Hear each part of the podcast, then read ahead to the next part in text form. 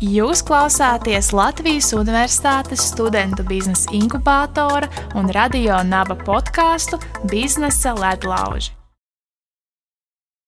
Sveiciens visiem mūsu šī brīža klausītājiem! Esam atpakaļ radio naba studijā ar podkāstu Biznesa ledlauži. Un šoreiz pie mums ciemos ir uzņēmējs, uzņēmuma Altēra līdzīpašnieks un vadītājs, kurš arī tika iekļauts 2021. gada Forbes 40 under 40 sarakstā. Tas ir Artūrs Kostiņš. Čau, Artūr! Čau visiem! Prieks liels tev uzņemt mūsu podkāstā. Es domāju, Paldies! Es domāju, ka mūsu klausītājiem būs ļoti interesanti uzzināt arī tavu uzņēmējdarbības pieredzi. Tā kā metīsimies iekšā sarunā, bet iesākumā varbūt tu vari mazliet vairāk pastāstīt par sevi, kāds bija tavs ceļš, kā tev radās ideja par Altēro un kā tu līdz tam nonāci. Wow. Nu, atkarībā no cik, cik, eh, cik ilgi uz atpakaļ mēs tīnam. Bet, nu, pa lielam, eh, es teikšu, ka par biznesu sāku interesēties jau diezgan agrīnā jaunībā, vēl skolas laikā, kaut ko tādu darīju, interesējos. Un tad um, mācījos ekonomiku, bakalauru, maģistru, Un tad, kamēr mācījos bakalauru, tikmēr bija tāda lieta kā Forex, visādi grafiki. Tagad jau populāri kriptovalūtas un NFT, toreiz bija populāra Forex. Nu, tad es tur baigi piedalījos, baigi ņēmos, lasīju dažādas grāmatas, biju ļoti tajā tēmā iekšā, tā teikt. Līdz ar to iemācījos, kas ir pieprasījums, kas ir piedāvājums un kā mēģināt kaut ko prognozēt. Lūk, un um, Tā bija tā, ka tāpat tā bija, tā, tāds bija tāds nedaudz pēckrīzes periods, kad darbu nevarēja tik viegli atrast kā šobrīd. Šobrīd visiem met pakaļ, manuprāt, to, to darbu, bet toreiz tā nemaz nebija. Un, ja tu esi labs, foršs students, baigi adekvāts, ar to vien nepietika, kā pietiek šobrīd, tad uh, Nu, lūk, un tad uh, viss kaut kur gāja staigāt, staigāja pa darbiem, īsti man nekur neņēma, un tad uh, man nācās sākt strādāt par, uh, nu, tā teikt, nācās par nekustamo īpašumu aģentu, bet es nemaz nezināju, ka es par tādu strādāšu, jo es redzēju, ka CV online bija rakstīts kaut kas tur nekustamo īpašu projektu vadītājs, tur koordinators. Es domāju, baigi forši kaut kas, kaut kas, no, kaut kas labs, un tad es sāku strādāt, un pēc kādām divām nedēļām man, uh, nu, kaut ko es sāku darīt man bija kaut kāda konkrēta uzdevuma, es viņus konkrēti arī pildīju, un pēc divām nedēļām man kaut, saka, kaut kas saka, tu, kas ir mākslinieks. Es tas da labi. Nevar būt. Nu, lūk, tad uh, sanāca tā, ka jā, ka strādāju par aģentu. Uh, tas darbs man baigi palīdzēja komunicēt ar cilvēkiem, uh, redzēt īstenībā biznesu. Un sanāk, ka man bija 21 gads. Un es sāku strādāt par aģentu, bet ne dzīvokļu sektorā, bet tādā komercsektorā, kur cilvēki izvēlās savu telpas, uh, restorānam, biznesam, oficiālam, uh, varbūt pat vēstniecības, meklēt telpas vai kaut kas tāds. Un, sanāk, ikdienā katru dienu runā ar to pašu gala lēmēju, uzņēmēju, kurš kaut ko ir sasniedzis, kurš paplašinās, piemēram. Un baigi interesanti vispār ar viņiem runāt, iegūt viņu pieredzi. Un tā, tas bija, tā, tā, tā bija tāds pirmais, uh, pirmā pieredze. Uh, paralēli kaut ko tur ņemos arī ar Forex. Un tad um, lekcijas pat lasīju. Man vienā brīdī sapratu, ka man ikdiena bija tāda, ka es celos no rīta rītīgi agri kaut kādos, nu, man agri ir astoņi. nu, lūk. un uh, varbūt pat ne, varbūt pat septiņi patiesībā. Es, nu, jā, uh, septiņi, astoņi, tad es biju deviņos jau vienmēr darbā. Nu, jā, tad laikam, ka pus astoņos kaut kur. Deviņos es biju darbā, kamēr es braucu uz darbu tramvaju, man bija tāda burtnīciņa, kurā es visu pierakstīju. Tagad, kad es atnākšu uz darbu, ko es uzreiz darīšu? Nu, lai man nav tā kā vispār nekāds laika čakars, toreiz nebija. Uh, Varbūt tur ne īsti mums kaut kādas projekta management programmas vai kādas laika skaitīšanas vai efektivitātes plānošanas, tādas lietas. Tagad par to vairāk runā nekā toreiz. Bet toreiz man bija burtnīca, tramvajs, tramvajā braucu, uzreiz konkrēti pierakstu katras 15 minūtes, ko es daru. Tad, tad, tad, tad, tad. Es atnāku un uzreiz baigi močīju. Es sapratu, ka es būšu, jo es būšu pats eh, pa sevi efektīvāks. Piem, nu, tad, eh, kamēr citi kaut ko tur nestrādās, strādāšu, tad es vairāk, vairāk varēšu nopelnīt. Nu, lūk, tā arī sanāca, baigi labi. Man tur uh, arī sāka iet. Tad es aizgāju vienu citu nekustamo īpašumu kompāniju. Tur, tur sākās vispār nopietno, tur visādi bija investīciju projekti. Un, um, Jā, investīcija projekti, lielie kaut kādi biroji, uh, fondi, kas kaut ko pērk, pārdod, ar viņiem tur savādāk nedaudz jārunā. Uh, arī daudz ja, jaunu skilus, tā teikt, ieguvu finanšu analīzē, nekustamajos īpašumos un tā tālāk. Nu, lūk. Un tad, um, nu jā, tad es maģistrā mācījos paralēli, es domāju, pabeidzu maģistru, domāju, bļāvies, es taču pa bankām visu laiku kaut ko mācos, un, uh, bet pa bankām ne, esmu arī strādājis reizi. Un toreiz likās, ka banka ir tāda liela organizācija, kur cilvēki staigā uzvalkos baigi nopietnām sejām, gan jau, ka viņiem daudz naudas ir un visu viņi baigi tur saprot. Un tur tas tā kā sapņu darbs man likās. Mm. Lūk, tad izdomāju, nu, vajadzētu tad bankās iet strādāt kaut, kaut, kaut kādā, bet pat cik es biju pieradis, es biju pabeidzis, sanāk, masteru, uh, maģistru bija pabeidzis, un, bet man bija 23. Nu, salīdzinoši vēl jauns bija. Uh, lūk, un, tad, um, un pieredze jau bija darbā ar lēmumu pieņēmējiem, ar fondiem, ar direktoriem. Mēs tur viņiem kaut kāds tur cashflow aprēķinājām, vēl kaut ko tur darījām. Un pārunas bija, nu, lūk, un tad es sāku gribēju iet bankā, bet man vairs galīgi necipīja tas darbs, nu, tā teikt, pie, pie lodziņa.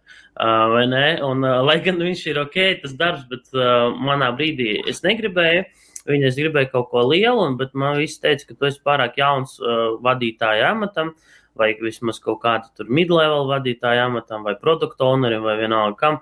Un es tā kā nevarēju saprast, um, vai jauns, vai varbūt nav pieredzes. Tad beigās aizgāju uz vienu banku, kur, kurā bija atalgojums krietni zemāks par uh, tirgus vidējo. Noteikti tur neviens negribēja iet. Uh, tajā brīdī strādāt par uh, nekustamo īpašumu um, kreditēšanas vadītāju.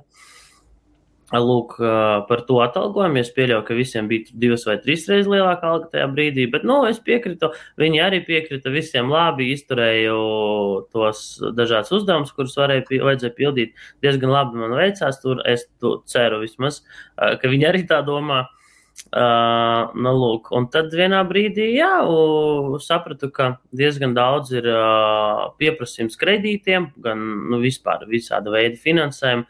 Pieprasījums liels, risinājuma tam, kā to izdarīt, kaut kā ērti un forši nav. Uh, vismaz Baltijā, nu, tad pas, paskatījos kaut kur apkārt, Eiropā, īpaši Skandināvijā, risinājumi tādi bija. Nu, un tu saprati, ka jāveido šeit, Latvijā, tā, nu, tā pa Altero. Mm -hmm. okay. nu, jā, jūs esat diezgan uh, izauguši lieli šajos gados, un arī šajā nesenajā Forbes rakstā uh, tika minēts, ka tavu vadītā uzņēmuma ieņēmumi piecu gadu laik laikā ir izauguši 105 reizes. Es ticu, ka uh, aiz šīs izaugsmas stāv ne tikai tavs smagais darbs, bet arī tava komanda. Uh, kā tu raksturotu savu uzņēmumu kultūru un kā tu to veido? Nu, personīgi es no savas puses tā diezgan tādā freestēlā. Um, nu, man liekas, ka labi forši, ka tu vari uzticēties cilvēkiem, ka tu vari viegli pieņemt lēmumus, ka visi cilvēki ir salīdzinoši fleksibli, ka nav tā, ka es tev izdarīšu darbu tikai, ja tu man par to samaksāsi. Un es tad es tev samaksāšu tikai, ja tu izdarīsi darbu. Tā mums galīgi nav. Mm, mēs vienkārši mums ir kaut kāds visiem vienots mērķis, ka mēs esam tāda vienota biznesa ģimene.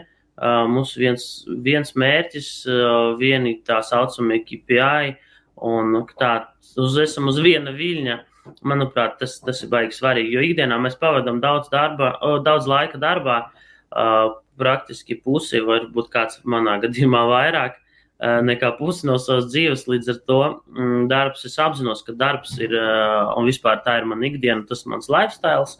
Un, um, Līdz ar to man jāveido ne tikai varbūt, tādas darba attiecības ar kolēģiem, bet no nu arī draudzīgas, ka mēs tur varam kaut kur kopā aiziet, izklaidēties. Mēs esam tādi nu, forši, draudzīgs kolektīvs. Mm -hmm. Un cik tev ir aptuveni liela komanda, cik ir cilvēki? Un tagad ir 43. Ok, nu diezgan. Un, tas ir Baltijā. Mums Latvijā ir 30 vai 2, jā, laikam 28. Mm -hmm. Latvijā ir un tad pārējie ir Lietuva, Igaunija. Okay. Bet mēs vēl augstu, mēs vēl kaut kādi 15 šogad pienāks klāt. Okay. Nu jā, nu, bieži tiek jautāts, kāds ir tāds tā kā vadītāja stils, jeb līdera stils. Bet man liekas, ka tie līderi ļoti savā starpā var atšķirties, un tas ir pavisam normāli. Bet uh, man atkal gribējās tā pajautāt, uh, vai tev ir, vai tu esi nonācis pie atziņas, kāds tu nedrīkst būt kāds kā vadītājs? Ko nedrīkst. Nedrīkst, zin kā, nedrīkst nu, viennozīmīgi melot. Neviens nevādītājs, ne darbinieks, bet nu, melot nedrīkst. Nedrīkst varbūt arī dot uh, kaut kādas cerības uh, cilvēkiem, kurus viņus nu, var nepiepildīties, vai arī nedrīkst um, atstāt cilvēkiem viņu pašu ziņā saprast, ko jūs esat viedojušies. Nu, piemēram, tā vienošanās māksla, viņa jau ir, jo katrs jau saprot pa savam? Un, uh, tas ir baigi ļoti, manuprāt, būtiski un svarīgi attiecībās, gan darba attiecībās, gan jebkura veida attiecībās, uh, saprast, ko tu tieši ar to esi domājis, un saprast, ko tas otrs cilvēks ar to ir domājis. Jo es ļoti bieži dzirdu interviju laikā, kad cilvēki nāk pie mums, viņi saka, no nu, es nedabūju solīto. Uh, vai arī man solīja sākumā šito, beigās man nav. Un, un tas, tā ir praktiski, es nezinu, katrs otrais tā pasaka. Un, um, man liekas, ka diez vai, nu, zinot, tur nezinu, to uzņēmumu vadītājus vai, vai uzņēmumu lielumu, es saprotu, ka diez vai. Uh, Vismaz, vismaz puse, pusē no, gadījumu, no gadījumiem diez vai tas bija kaut kā speciāli tā domāts. Uh, es domāju, ka vienkārši cilvēki nesaprata viens otru. Uh, nu, lūk, tāpēc man liekas, ka tā vienošanās māksla mm, viņam palīdz uh, ikdienas darbā. Līdz ar to nedrīkst, nedrīkst būt tāds, kurš tā kā ai, pofika, ko tur viņš domā, nu tad un tad māc tālāk. Vienmēr ir skaidri, skaidri jāsaprot, kas tieši, un tad, tad, tad viss tad viss skaidrs. Mm -hmm. Un uh, to vīziju jūs parasti definējat tad, tā kā pirmajā intervijā, kad jūs satiekat to cilvēku, nu, kad pieņemat viņu darbā, kad tas notiek. Um, nu es zinu, kā es prasu, ko cilvēks domā, kā viņš sevi redz. Nu, tādi diezgan standarti jautājumi, bet tie standarti jautājumi nav. Um, viņi jau ir, stand, viņi visi izmanto, tāpēc, ka viņi jau ir forši tie jautājumi. Ja, kā tu sevi redzi uh, šajā uzņēmumā, ko tu varētu darīt? Jo tas jau ir tā, tā meditācija pašam ar sevi kad tu tagad sēdi mājās, tu domā, hmm, tagad es atnākšu uz darbu, es varētu šito, šito. Un tas jau, tas jau ir tas tā cilvēka ideja, ko viņš tur darīs. Tas ir tas svarīgākais, manuprāt. Nu, lūk, un ja viņš māca pastāstīt uz, un atbildēt uz tik banālu jautājumu, kā tu sevi redzi, tad, manuprāt, ka, nu, tu, tu, tu kā sajūti, vai viņš redz, vai viņš neredz, vai arī viņš ir tāds ritīgi stīvs un uh, nezinu, ko īsti atbildēt, nu, tad tas nozīmē, ka visdrīzāk viņš arī vienmēr gaidīs no tevis uzdevumus, nevis būs proaktīvs. Un, uh, tad to cilvēku, nu, tad viņam atkal atbilstošam amatam jābūt. Jo ir kaut kāda amata, kur proaktīviem jābūt non-stopā, un ir kaut kādi, kur otrādi, kur nu, tev nav jābūt proaktīvam, bet nu, tev ir jāizpild vienmēr kaut kāda darba uzdevuma. Bet nu, tie cilvēki ir atbildīgi. Nu, tur jāstāsta par cilvēkiem. Mm. Man liekas, ka arī, pieņemsim, inkubātoru programmā dalībniekiem arī ir ļoti svarīgi, ka viņi atrod tos komandas biedrus, ka viņi arī kā, pārliecinās, ka viņi ir uz vienas lapas, ka viņi kā, viens otru saprot un viņiem ir kaut kāda līdzīga vīzija. Jo citādāk, ja viņi domā pilnīgi citādāk, tad jau tā komanda arī var izjukt laika gaitā.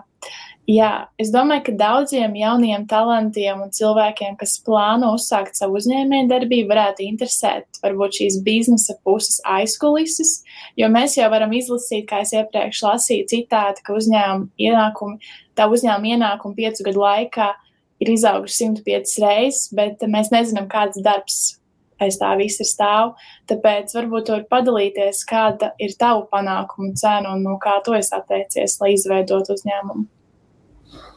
Nu, zini, katram tas stāsts eh, tiešām ir dažāds. Manā konkrētajā stāstā diezgan daudz es esmu atteicies. Man vispār sanāk tā, ka es esmu tāds cilvēks, kurš uh, skrien sprintus, tā teikt, mm, bet arī domā vienmēr pat par maratoniem. Nu, kā piemēram, kādreiz man vajadzēja uzrakstīt bakalaura darbu, tad es aizslēdzu visu cietu un nedēļu vai divas tur sēdēju, rakstīju. Vispār nevienu nerunāju, kamēr es neuzrakstīšu. Tas pats bija par par maģistra darbu.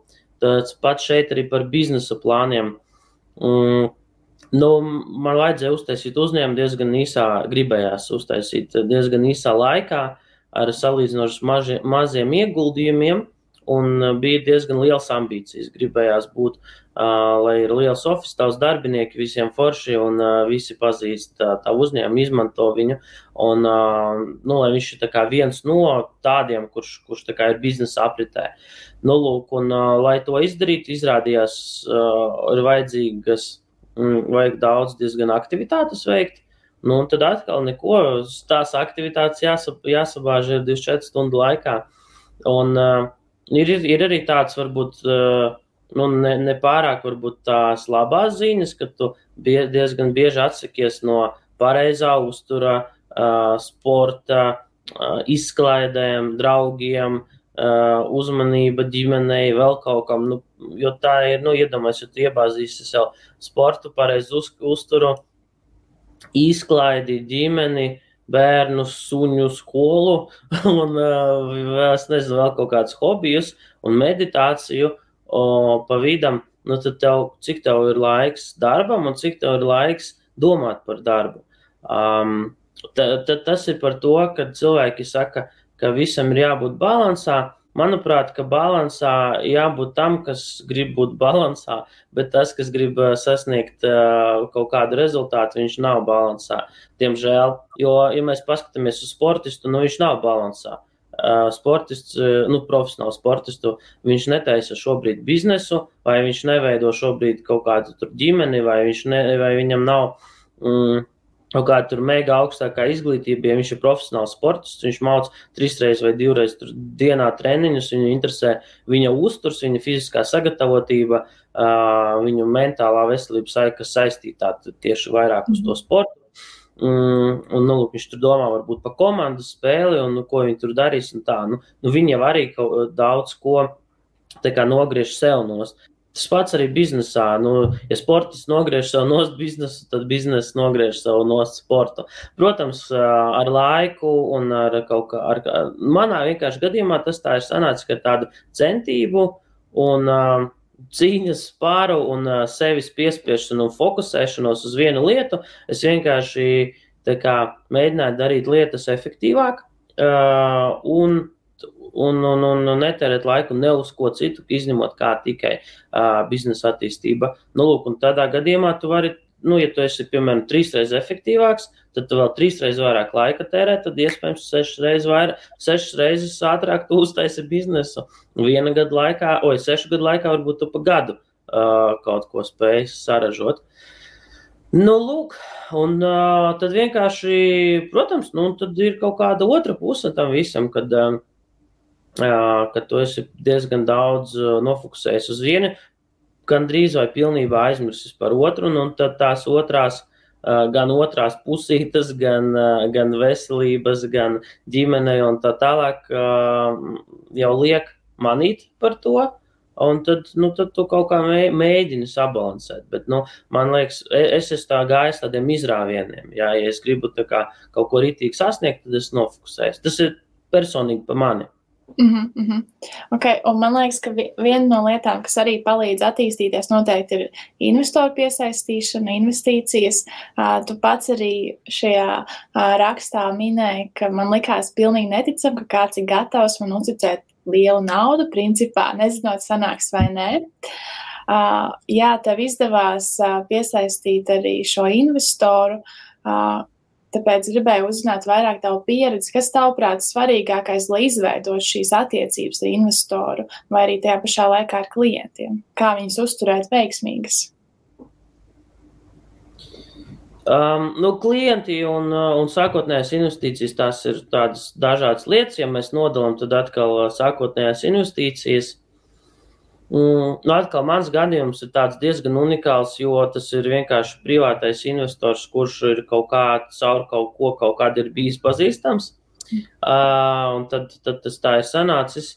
Nu, lūk, un, uh, bet mūsdienās uh, naudas ir diezgan daudz, brīvas naudas ir diezgan daudz, ir visādi, es nezinu, fondi, kapitāli, akceleratori, programmas, inkubatori, vienalga kas. Es tur nekad neesmu īsti iet, bijis mm. iekšā. Uh, jo es, nu, man, man tā sanāca, ka mēs uzreiz izveidojām attiecības biznesu, un uh, mēs tur netērējām laiku uz tām lietām. Nu, lūk. Un, bet tās lietas ir diezgan foršas, tā kā tie avoti ir daudz, un man liekas, ka jā, mm, ja tu iz, izvēlēsies privāto investoru, nu, tad tu ar viņu tās attiecības dibini, un tu mēģini runāt viņa valodā, respektīvi, viņš ir pieredzis, uh, pro, uh, jo tev jau kā, tev vajag sākumā parādīt biznesa plānu, kurā tu skaidri apzinājies, ka, uh, cik tev naudas vajag, um, kad tu sāksi pelnīt, cik tu pelnīsi, un uh, nu, kāda būs tava peļņa un kurā tieši momentā. Un tad, kad tu to, tu to skaidri visu esi uzrakstījis, uh, nu, piemēram, tu nezinu, ražo galdus. Un tev vajag sākumā naudu, lai iepirktu iekārtas, nomāt telpas, darbinieki, lai tev ir tev tāds rītīgs mīnus sākumā, jo tu esi investējis to naudu, tad jūs sākat ražot, un tad jūs tur sākat pārdot, un kaut kādā brīdī jūs esat izgājuši plusā, jums tā pārdošanas apjoms un ieņēmumi no galda pārdošanas uh, ir lielāki par izdevumiem. Nu, lūk, un uh, tad vienkārši jautājums uh, par tiem cipariem par precizitāti. Pirmkārt, tev jābūt spējai, spējai uztaisīt šādu biznesa plānu, un tad ir jautājums, vai tas, ko tu tur esi uzrakstījis, ka rekur pēc gada mēs jau sāksim pelnīt, vai tas ir mm, dzīvot spējīgi, vai tas nav kaut kāds kosmos. Un uh, tad ir jautājums, nu, tam atkal, kurš to biznesa plānu ir uztaisījis, kādā veidā tu esi dabūjis to ciparu, ko tu esi pieņēmis, vai vai vispār esi skaties tirgus daļu, pētījis konkurenci un tā tālāk. Nu, tad, ja tev atkal uz to visu ir atbildes, nu, tad eh, nu, pēc kaut kāda nu, investora valodā tu esi akceptējams. Mm -hmm. Un, eh, ja mēs skatāmies uz tavu konkrēto piemēru, vai tavs biznesa plāns bija ļoti realistisks? Nu, zini, kā ļoti jā. Eh, es viņam neticu, nu, kā teikt, es nevarēju līdz galam noticēt, ka viņš sanāks. Bet es teikšu, ka mēs tur burtiski vēl pagājuši gadu uh, gājām pēc, pēc tā, kas bija pirms tā biznesa plāna. Jo mēs salikām tur pirmo gadu, varbūt pa mēnešiem, otru arī pa mēnešiem, pēc tam arī pirms sākām biznesu, pēc tam tur trešo, ceturto, piekto gadu, nu, kā aptuveni varētu būt tā. Un uh, tā arī sanāca uh, tajā tajā piektajā gadā. Nu, lūk, mēs diezgan, es pat nezinu, vai tā ir veiksme vai kas tas ir, bet mēs diezgan um, precīzi uh, esam noprognozējuši un joprojām prognozējam precīzi. Bet um, es arī teikšu, ka nozara ļauj prognozēt. Uh, šī nozara ļauj prognozēt. Uh, mēs zinām, kāda ir klientu, nu, kāds ir klientu apjoms, kādi ir darījumi, cik ir eiro, uh, kas ir jādara priekš tā, kas ir konkurenti un tā tālāk. Tā kā nozare ir diezgan nu, prognozējama, es teikšu tā. Mm -hmm. Un uh, mazliet vairāk runājot tieši par attiecībām ar klientiem, tu teici, ka nu, ar investoriem šajā gadījumā tu teici, ka ir uh, jārunā viņu valodā, vai arī ar klientiem ir tas pats, vai tev ir jārunā tā, kā klients runā? Atkarīgs no tā, vai tas ir B2B vai B2C.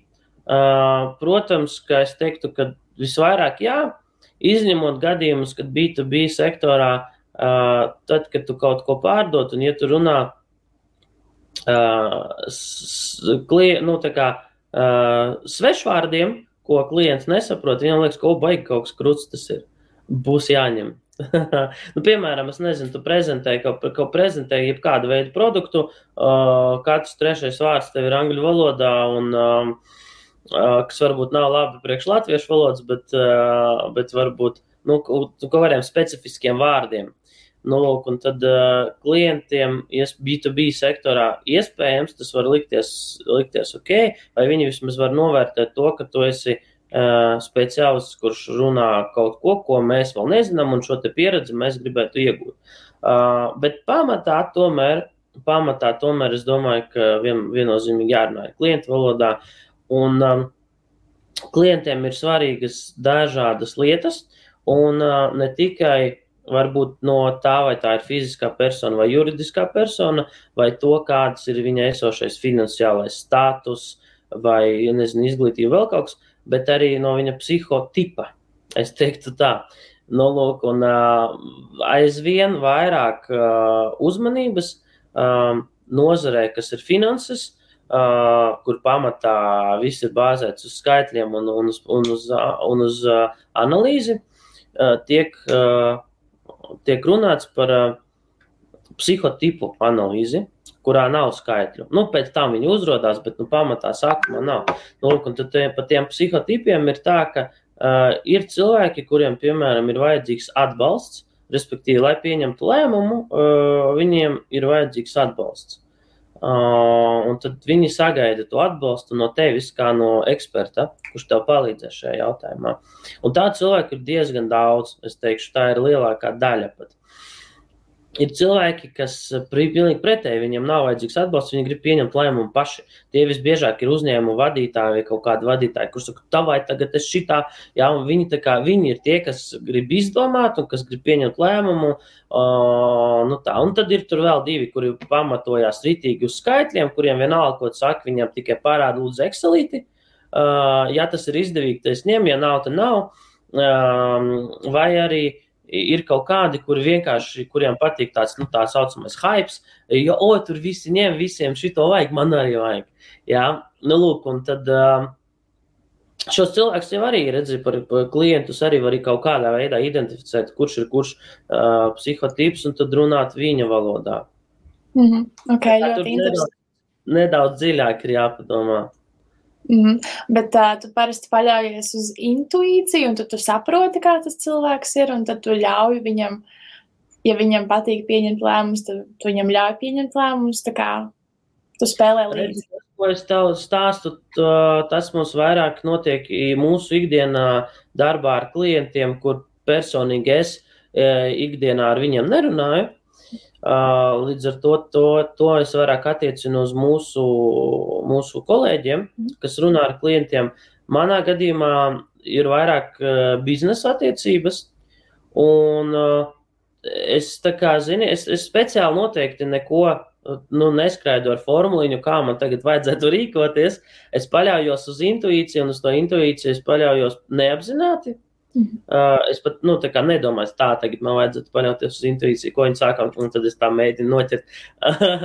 tā nav. Uh, vienkārši, vienkārši strādāju, bet, um, zini, ar laiku uh, tu vienkārši saproti, uh, kas, viņi, kas ir vajadzīgs B2B klientiem vai, vai biznesa partneriem. Tas ir viens. Un otrs, tu vienmēr vari uzprasīt. Man ļoti patīk prasīt un uzdot jautājumus. Un, ja tu uzdod jautājumus, kas jums ir svarīgi, ko jūs gribētu redzēt, un, tad, tad jau tu arī izpildi viņa gaidas.